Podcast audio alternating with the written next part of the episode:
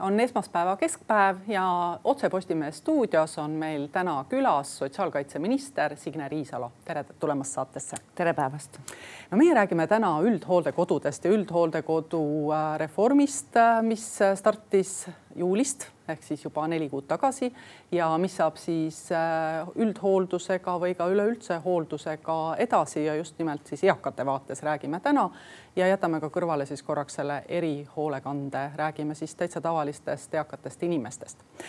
no kui Riigikogu valimistel lubati rahvale, et äh, hooldekodukoha saab keskmise pensioni eest, äh, saavad siis kõik, kes seda vajavad, siis tegelikkus on kujunenud küll mõnevõrra teistsuguseks inimestel tuleb siiski väga tihti maksta ka lisaks pensionile üht-teist juurde. Need summad, tõsi, on küll väiksemad kui varem paljudel juhtudel, aga siiski päris lubaduste kohaselt kõik ei läinud ja üheks põhjuseks peetaksegi seda, et hooldekodud asusid äh, hinda tõstma. kas see üllatas teid? Oi ei, see ei üllatanud absoluutselt ja tegelikult ka need prognoosid, mida me tegime, planeerides ka rahalisi ressursse, siis kahekümne esimese ja kahekümne kolmanda aasta võrdluses äh, me nägime et, et kolmkümmend seitse koma seitse protsenti hinnad hooldekodudes tõusevad ja tõsi on see et, et kolmkümmend kaheksa protsenti nad tõusnud ongi, nii et üsna täpselt äh, tegelikult sai prognoositud. ja mis nüüd puudutab äh, seda poliitilist lubadust, et pensioni eest, siis ma püüdsin küll igal korral, kui minu minu käest küsiti, öelda, et keskmise pensioni eest ja suuresti keskmise pensioni eest see ka võimalik on. me saame tuua Koeru hooldekodu näite, kus on äh, natuke üle saja kliendi kahekümne kolmest erinevast kohalikust omavalitsusest ja vaid kahel kliendil tuleb siis äh, kuni kakskümmend eurot äh, oma taskust juurde maksta. Koeru hooldekodu on ju erihoolde, erihooldekodu. Koeru hooldekodu pakub nii erihoolekannet kui üldhooldust ja mina räägin praegu üldhooldusest. erihoolekanne on no, riigi rahastatud teenus. aga tegelikult on ju rida, ridamisi ikkagi inimesi, kellel on äh, just nimelt see hooldekodu äh, teenusele tuleb ise juurde maksta.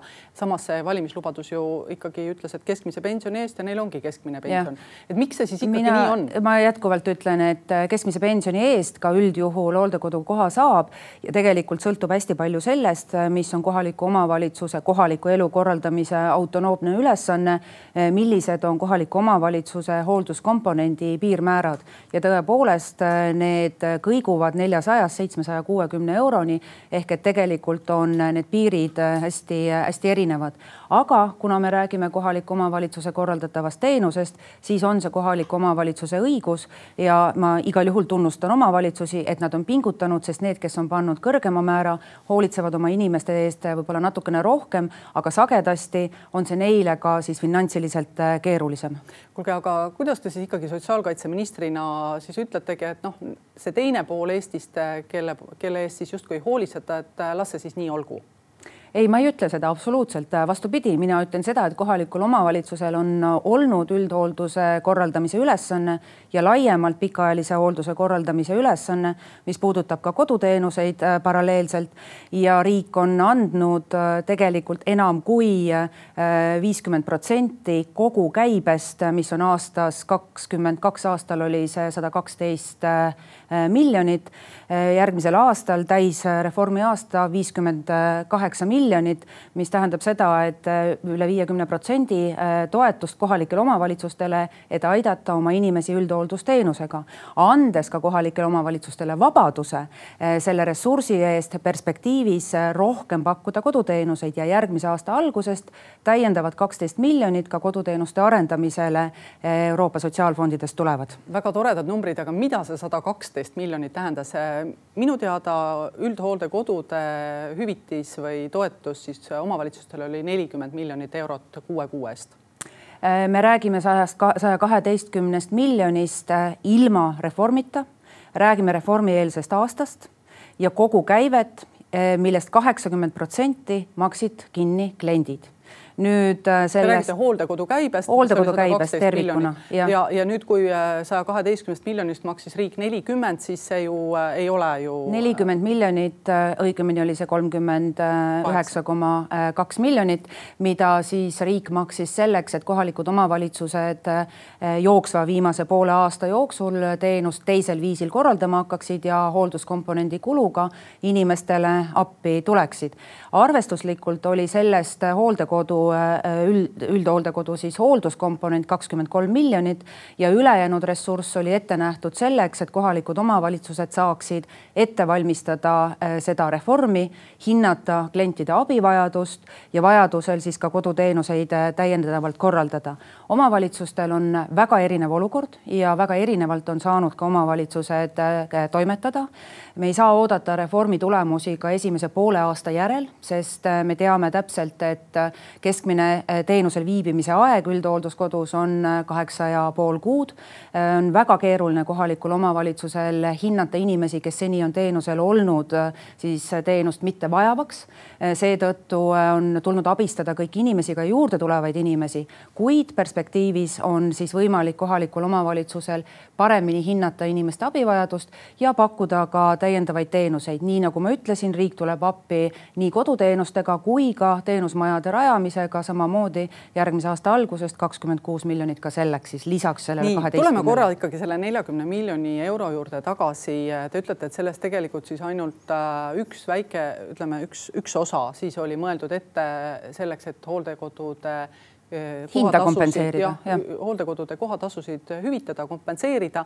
tegelikkus oli ju see, et äh, enamikel omavalitsustel kulus ära kogu raha, mis te neile justkui jagasite ka koduhooldusteenuste jaoks ja, ja lihtsalt võibki öelda maakeeli, et seda raha oli lihtsalt liiga vähe. nüüd, äh, kui me läheme edasi ja vaatame nüüd nagu järgmist aastat, siis äh, seesama viiskümmend seitse miljonit eurot jagame selle kaheteistkümne kuuga, siis tegelikult seda raha on justkui veelgi vähem. mida siis teevad selle peale omavalitsused, nad hakkavad äh, vähendama seda piirmäära, mis tähendab noh, näiteks siin esimesest oktoobrist juba Mulgi vald, äh, eks ole, alustas Äh, Räpina vald tegi seda veel enne reformi. Äh, see tähendab seda, et inimeste jaoks äh, läheb see hooldekodu koht kallimaks. mida te siis ministrina soovitate, et kas siis peaksid need Räpina ja Mulgi valla inimesed ennast sisse kirjutama näiteks Tallinnasse või Tartusse, kus, kus see piirmäär on peaaegu kaks korda suurem? Ei no kindlasti ma ei soovita inimestel enda registreerimist ümber teha, küll aga saan ma öelda seda, et järgmise aasta algusest tegelikult me rahastame Äh, läbi tulubaasi, mitte läbi toetusfondi, mis inimestele kõlab väga keeruliselt, aga see tähendab seda, et me tegelikult jätame ka ühe osa rahast selleks, et tasandada kohalike omavalitsuste ebavõrdsust. just nimelt selle alusel, kui palju on ühel või teisel äh, omavalitsusel teenusel äh, kliente. kui suur see tasandusosa on siis? see tasandus, tasandusosa on kolm miljonit, aga see on piisav selleks, et ära tasandada nüüd nende klientide puhul, kes on erihoolekandes sellest üle tulnud üldhooldusele, inimesed, kes olid varasemalt riigiteenusel ja ka siis selles osas, kui on proportsionaalselt äh, väga palju vanemaealisi, kes üldhooldusteenust vajavad ja seda me äh, siis rakendame kuni äh, kahekümne üheksanda aastani Äh, ja, ja sellisel, selleks ajaks me loodame, et tõepoolest see omavalitsuste olukord on äh, enam-vähem ühesuguseks muutunud. inimesed on saanud muuhulgas ka riigi ja Euroopa vahendite toel äh, rohkem koduteenuseid, on teenusmajasid, kohti, kus inimesed saavad elada ja et see turg nii-öelda ühtlustub. Te küsisite ka selle kohta, et on hästi erinevad need kohalike omavalitsuste piirhinnad, et siin ma saan täpselt samamoodi öelda, et see on reformi esimene pool aastat, mis me meil hakkab tasapisi läbi saama.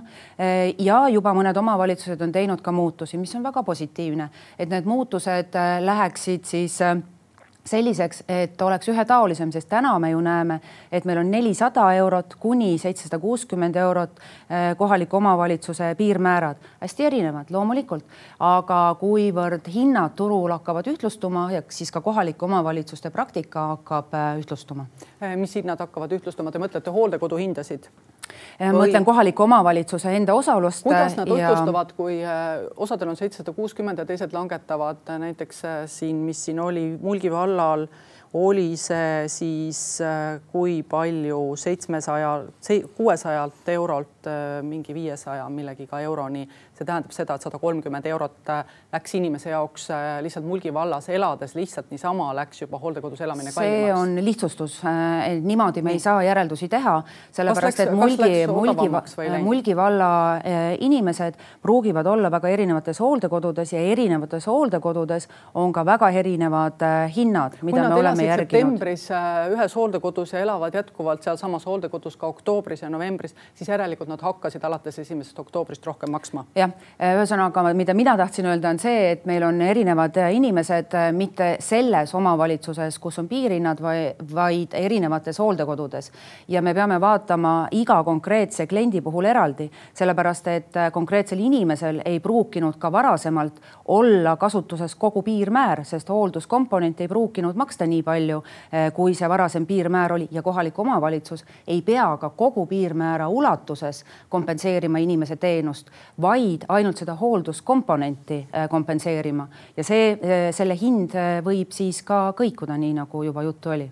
Ehk et tegelikult läks, lähevad hooldekodud äh, siis, kui omavalitsus otsustab, et tema maksab vähem, lähevad inimese jaoks kallimaks, see on fakt.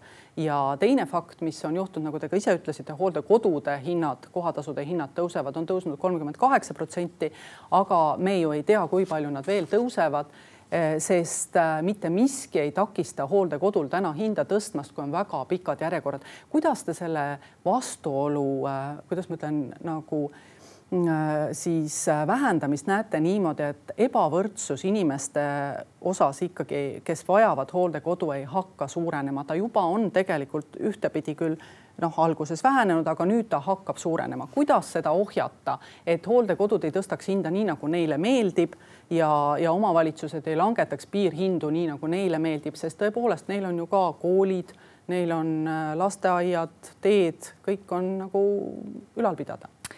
No kõigepealt äh, peab ütlema seda, et hinnatõus hooldekodudes ei ole mitte midagi sellist, äh, mida tuleks hukka mõista selleks, et me taha, saaksime oma pereliikmetele kvaliteetset teenust, peavad ka hinnad Äh, teenuse lõpphinnad tarbija jaoks ja kohaliku omavalitsuse jaoks olema sellised, mis vastavad sisendhindadele. Äh, mida maksab elekter, küte, äh, toiduained, töötajate töötasud peavad tõusma, nii et selles mõttes ei saa ette heita, et hinnad tõusevad. see on loomulik protsess ja see on tegelikult ju ka rahastusmudelis arvesse võetud. et kui me järgmine aasta saame viiskümmend kaheksa miljonit, mis on tegelikult üks koma kaks miljonit prognoositust suurem siis samm-sammult kasvab kahekümne seitsmendaks aastaks äh, tegelikult riigipoolne osalus seitsmekümne kolmele koma kolmele miljonile. et selles mõttes ma arvan, see protsess on täiesti normaalne ja tavapärane, et teenuse hinnad kasvavad koos ajaga ja kvaliteet koos sellega samamoodi kasvab. nüüd nende aastate jooksul, nagu ma varasemalt selgitasin, on hästi oluline, et kohalik omavalitsus ka koduteenuseid ja ka teenusmaja äh, teenuseid rohkem pakkuma hakkaks. mitte kõik inimesed ei pea minema hooldekodusse ja rääkides nüüd ebavõrdsusest, mõtleme siis äh, enne reformiaegset aega, kus tegelikult tegelikult teenuse eest maksis alati ja alati klient, välja arvatud juhul, kui kliendil ei olnud endal ressursse ja tal ei olnud ülalpidamiskohustuslikke isikuid. ehk et tegelikult see ebavõrdsus oli suurem ju vanasti ja seda ebavõrdsust me praegu oleme likvideerimas ja see ebavõrdsus äh, saab tegelikult tulevikus likvideeruda ainult selle järgi, kuidas turg ka neid hindasid äh, reguleerima hakkab. Ja samamoodi kohaliku omavalitsuse käitumine, sest need omavalitsused, kes hinna algselt liiga kõrgeks panid, mis ei olnud võib-olla ka põhjendatud nende teenuse osutajate hinnakomponente arvesse võttes, kus nende kliendid on, saavad seda korrigeerida Nad saavad seda korrigeerida, aga millegipärast nad jah, korrigeerivad seda ikkagi praegu alla, allapoole. Te ütlete, et tegelikult peaks turg panema hooldekodudes asja paika. no päris nii see ju ei ole, sellepärast et ähm, ütleme nii, et äh, kui äh, ei tunne ei hooldekodu pidaja ega ka hooldekodu juhataja, et äh, ta teeb midagi valesti, siis, siis turg ei pane siin mitte midagi paika, sest meil on järjekorrad hooldekodudesse nii pikad, et kõik hooldekodud saavad täis, pole vahet, mis kvaliteediga nad parajasti on. kuidas seda kvaliteeti siis ikkagi peaks parandama, miks või kas olete kaalunud, et näiteks hooldekodu juhatajal peaksid ka olema mingid teatud nõuded selleks, et üldse hooldekodu juhtida, praegu on ainult hooldajatel, aga ega, ega alluv ei saa kunagi oma ülemusele öelda, et mul on vaja seda ja seda asja ka, et tööd teha no nii nagu me siin rääkinud oleme, siis hooldekodu pidamine eeskätt on tegelikult ju äriettevõte ja seda äh, mõlemal juhul, kui äh, omanikuks on kohalik omavalitsus või siis eraettevõtja ja me teame, et meil on pooleks, omavalitsustele kuuluvad umbes viiskümmend protsenti hooldekodudest ja äriettevõtted on umbes viiskümmend protsenti ettevõtetest. noh probleem on ju tegelikult siis, kui kohalik omavalitsus äh, äh, hooldekodu pidajana hinnad ebamõistlikult kõrgeks tõstab ja need kehvemad näited just sellised ongi, et ma ei saa äh, väga palju leida neid näiteid, kus eraettevõtja oleks ebamõistlikult kõrgeks hinnad tõstnud ja isegi kui eraettevõtja seda teeb, siis jääb temal üle ainult loota, et inimesed ise temalt teenust ostavad, need, kes soovivad kallimat ja kvaliteetsemat teenust. küll aga kohalik omavalitsus siis seda kallist teenust eraettevõtja ettevõtjalt äh, ei pea ostma ja tõenäoliselt ei ostagi.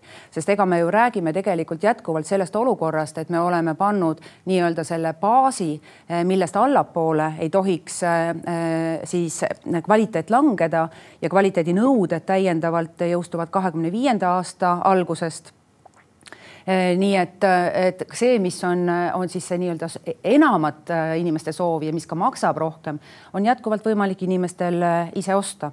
samamoodi on teenust võimalik osta ka nendel inimestel, kellele ei ole hooldusvajadus nii suureks hinnatud. Te ütlete, et, et hooldekodud peaksid siis ikkagi kuidas ma ütlen, turutingimustel jätkama, et äh, ehk et äh, inimesed justkui ei tule või tulevad sellesse hooldekodusse. nüüd, kui nüüd uusi kohti juurde luuakse hooldekodud, hooldekodusid, siis äh, kuulu järgi on nad täna ainult Tallinna ja Tartu lähistel. Nende hinnad saavad olema keskmisest kõrgemad ja, ja omavalitsusel ei jäägi mitte midagi muud üle, kui ikkagi osta ka sealt need endale need kohad või, või lasta siis oma elanikud sinna elama ja hüvitada seal äh, neid kohtasid.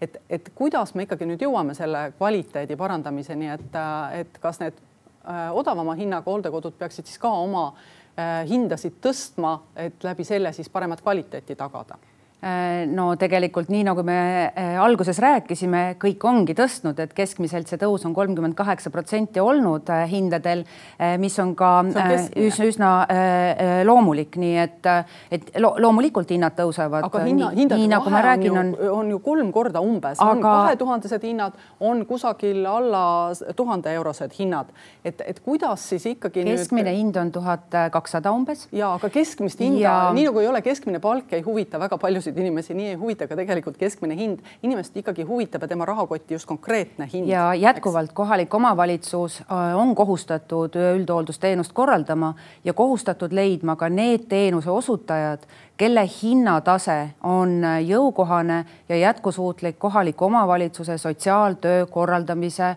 vaatenurgast.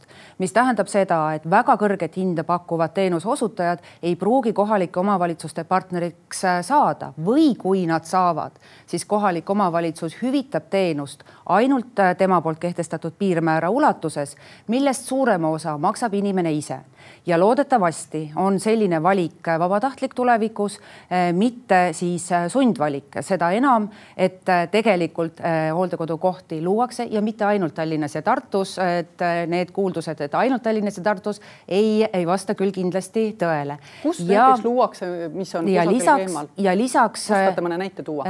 hooldekodusid on pidevalt ehitatakse erinevates kohtades, nii et. no tooge ei... mõni näide, mina lihtsalt tean ainult Tallinnast ja Tartust, kus tulevad suured hooldekodud suhteliselt kalliste kohtadega, tänapäevased, võib-olla ka kvaliteetsed. Hiljuti veel Põlvas avati värskelt hooldekodu, neid kohti on, on kindlasti. Need on mõned üksikud kohad võrreldes sellega, kui palju luuakse tegelikult ikkagi kallimate hindadega hooldekodusid. jah, äh, äh, tuleme nüüd selle juurde tagasi, et äh, sa võid luua kui tahes kalleid teenusekohti, kui sul ei ole tegelikult ostjat sellele teenusele, siis need hinnad hakkavad praegu samamoodi. praegu ju on praegu on see olukord, kus kohalikud omavalitsused olid üsna sundolukorras Eh, sest eh, väga keeruline on juba teenusel olevale inimesele öelda, et eh, tema teenus ei ole põhjendatud või õigustatud, kõrvalabivajadus ei ole nii suur. aga nii nagu ma ütlesin, kliendid vahetuvad üsna kiiresti üldhooldusteenusel, kohalikud omavalitsused saavad hakata rohkem otsuseid tegema ja saavad ka rohkem planeerida koduteenuseid, mis toetavad inimeste kodus elamist. no räägime natuke nendest koduteenustest, et ähm, praegu ikkagi ütlevad omavalitsusjuhid, et nendel on raha ära kulunud hooldekodudele, kes enne neid koduteenuseid arendas või kellel oli ressurss selleks juba leitud, need tegid seda edasi, teised tegelikult selle, selle raha peale, mis see nelikümmend miljonit eurot, mis tuli nüüd riigilt, loota ei saanud. no mis te arvate, kas selline koduteenus, et kui enne aitas liikumispuudega naist pesta kodus mees ja nüüd jäi mees ka nii viletsaks, et äh, ta ei saa enam ilma hooldekoduta hakkama ja sellele naisele pakutakse kodus äh, siis äh, viimist tükk maad eemal asuva kooli spordisaali duširuumi. kas see on nagu mõistlik ja normaalne koduteenus?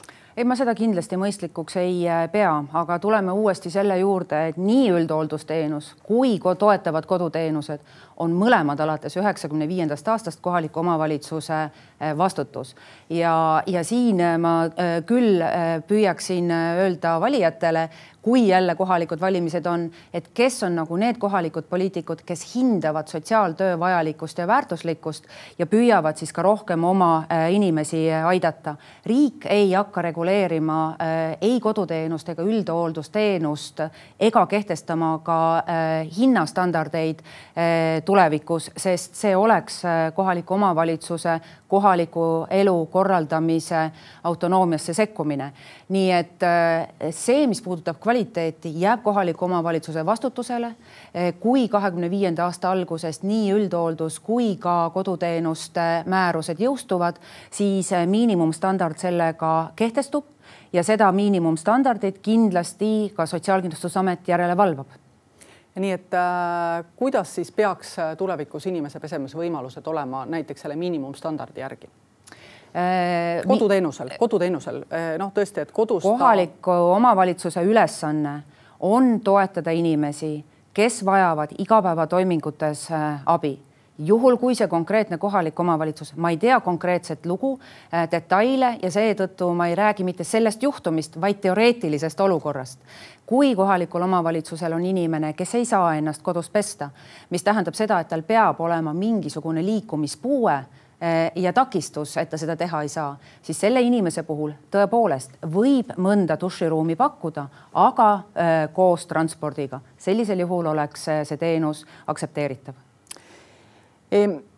kui nüüd ikkagi vallal raha ei ole, tal on, ütleme nii, et äh, väga väiksed sissetulekud äh, ja ta ei paku ikkagi neid teenuseid, äh, mida justkui ta pakkuma peaks, nagu te siin välja tõite, et koduteenused miinimumstandardi kohaselt või siis ka üldhooldusteenus nii nagu peaks. Või on tema piirhind nii madal, noh nagu me kuulsime, et tegelikult riik sellesse ei sekku. Kui, kui vald tahab, võib ta panna ka piirhinnaks jättagi nelisada eurot, mis siis, et see võib-olla tulevikus on ainult äh, kakskümmend või kolmkümmend protsenti kohatasust, siis, ähm, siis ähm, mis võimalused siis äh, nagu üldse inimestel on, et ikkagi see ümber teise kohta sissekirjutamine on vist kõige parem variant, sest ega nagu mingitest üksikutest valijatest ju ka väga palju ei sõltu, et kes siis nagu pukki valitakse vallas. No te räägite sellest piirhinnast kogu aeg. ma tuletan meelde, et äh, selle, selle piirhinnaga peab, rõhuasetusega sõnal peab, saama katta äh, teenuse hoolduskomponendi osa aga, aga mis tähendab, mis tähendab seda, peab katma, see on äh, seadusega ette kirjutatud.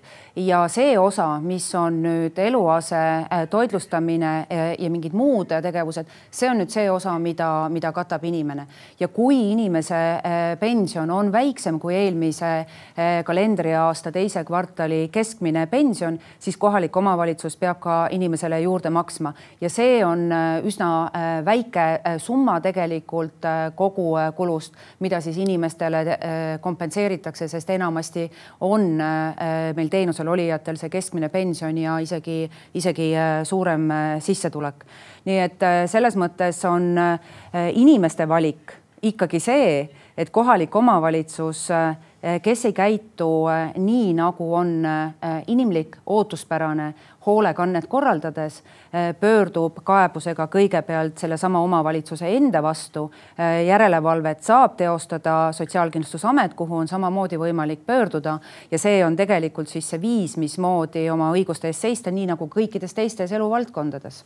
aga need inimesed, kes näiteks üldhooldekodu vajavad, nad ei seisa ju enam enda eest väga hästi ja kui inimestel nüüd ikkagi ei ole ka lähedasi, siis eh, nad on päris kaitsetus olukorras. kas kas teil ei teki ministrina niisugust mõtet, et peaks äh, kuidagimoodi pakkuma neile ka natuke turvalisemat tuge kui see, et et äh, kõigepealt äh, vaidlustama otsuseid vallas, kui vald on millegipärast tahab sind kiusata, siis ta teeb seda ju jätkuvalt, siis mine Sotsiaalkindlustusametisse ja siis mine kohtusse, et need.... no ma ausalt öeldes eh, ei taha uskuda, et Eesti seitsekümmend üheksa kohalikku omavalitsust professionaalsete sotsiaaltöötajatega soovivad kliente kiusata. mitte kõik, eh, vaid ei... me räägime üksikutest juhtudest. ja, ja just nimelt nüüd te ütlesite kenasti üksikutest juhtumitest, üksikud kehvad juhtumid satuvad sisse kahjuks alati.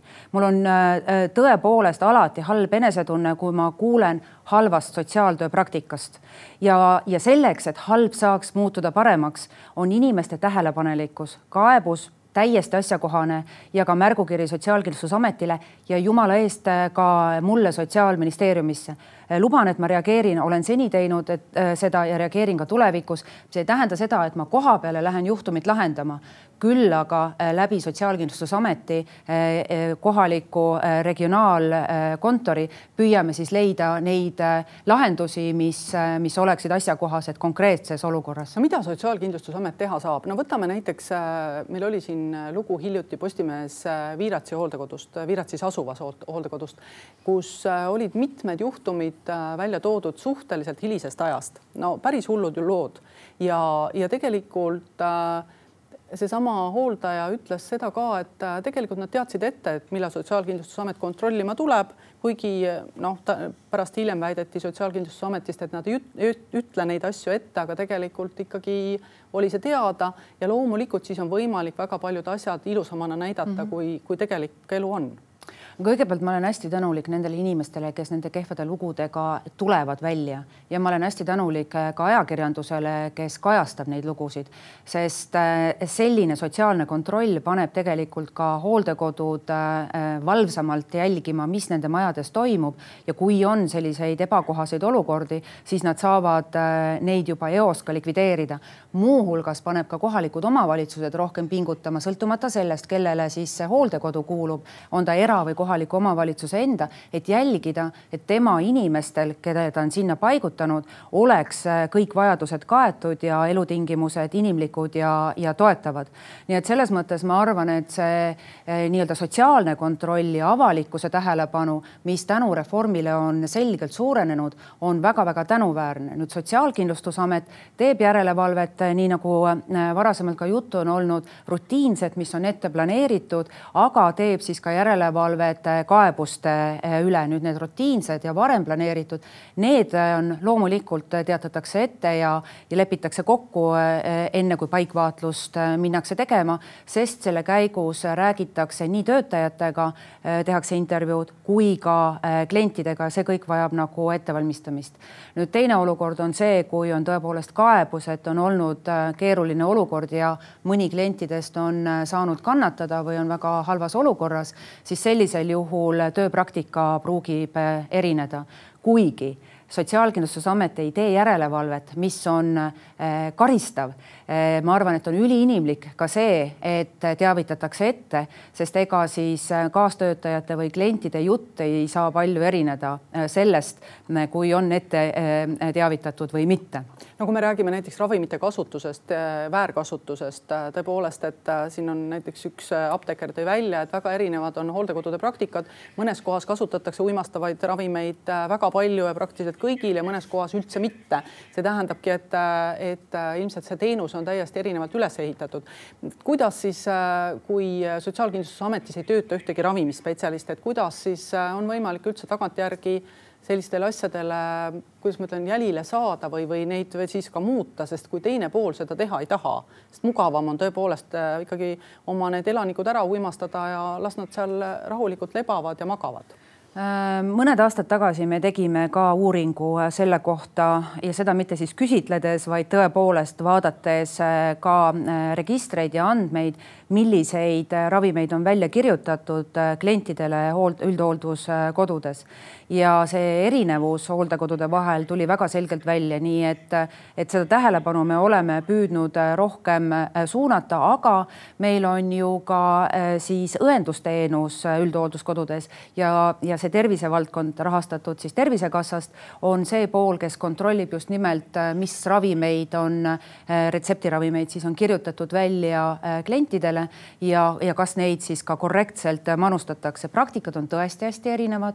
on selliseid äh, hooldekodusid, kus tellitakse apteegist äh, siis järgmiseks ajaperioodiks spetsiaalselt pakendatud igapäevaportsjonitega igale kliendile omad äh, ravimid ja on siis sellised, kus, kus tehakse seda lihtsamal moel ja, ja kinnises ruumis, kinnises kapis hoitakse ravimeid ja siis neid jaotatakse tavapäraselt õendustöötaja poolt eh, klientidele Äh, aga konkreetselt see küsimus, et äh, kuidas Sotsiaalkindlustusamet saab kontrollida seda, tagantjärgi igasugu uuringuid võib teha, aga kontrollida, kas on väärkasutust olnud või ei ole väärkasutust olnud, see ju hõlmab ka tegelikult arstide. see alg, alus äh,, algus ei ole mitte hooldekodu küsimus, vaid see algus on perearsti küsimus, kes need retseptiravimid välja kirjutab. ja see, ja see, see on, on tegelikult ja see on juba siis ütleme Riina Sikkuti ampluaa või?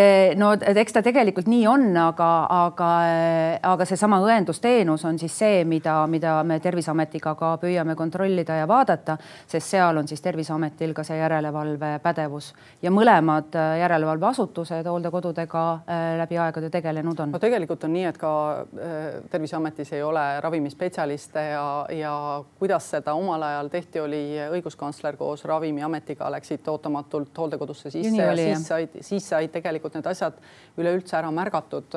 teistmoodi seda ei ole võimalik teha, aga teie soovitus siis ikkagi on see inimestele, kui on midagi kehvasti, siis ärge häbenege, rääkige Kindlasti. ja sotsiaaltöötajatele valdades, et äh, ärge lihtsalt saatke oma äh, lähed või elanikke hooldekodudesse, vaid äh, minge vaadake, vaadake, millist teenust seal pakutakse. no kindlasti, et meil ei ole ka harvad ka need juhtumid, kus kohalik omavalitsus on ka inimese eestkostjaks, seda ka üldhooldusteenuse puhul ja sellisel juhul on kohaliku omavalitsuse roll veelgi suurem inimese heaolu üle aga, aga valvata. aga kui ei ole? ja ülejäänud juht juhtudel, kui ei ole eestkostjat, siis on äh, kliendil tavaliselt lähedased, kes kullipilguga saavad jälgida, äh, mis ju, äh, toimub ja, ja kui nad midagi märkavad, siis kõigepealt hooldekodu juhataja poole pöörduda.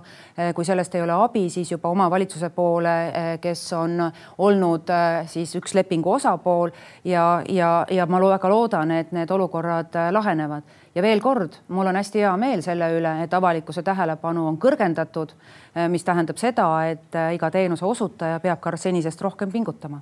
suur aitäh saatesse tulemast täna sotsiaalkindlustusminister Signe Riisalo.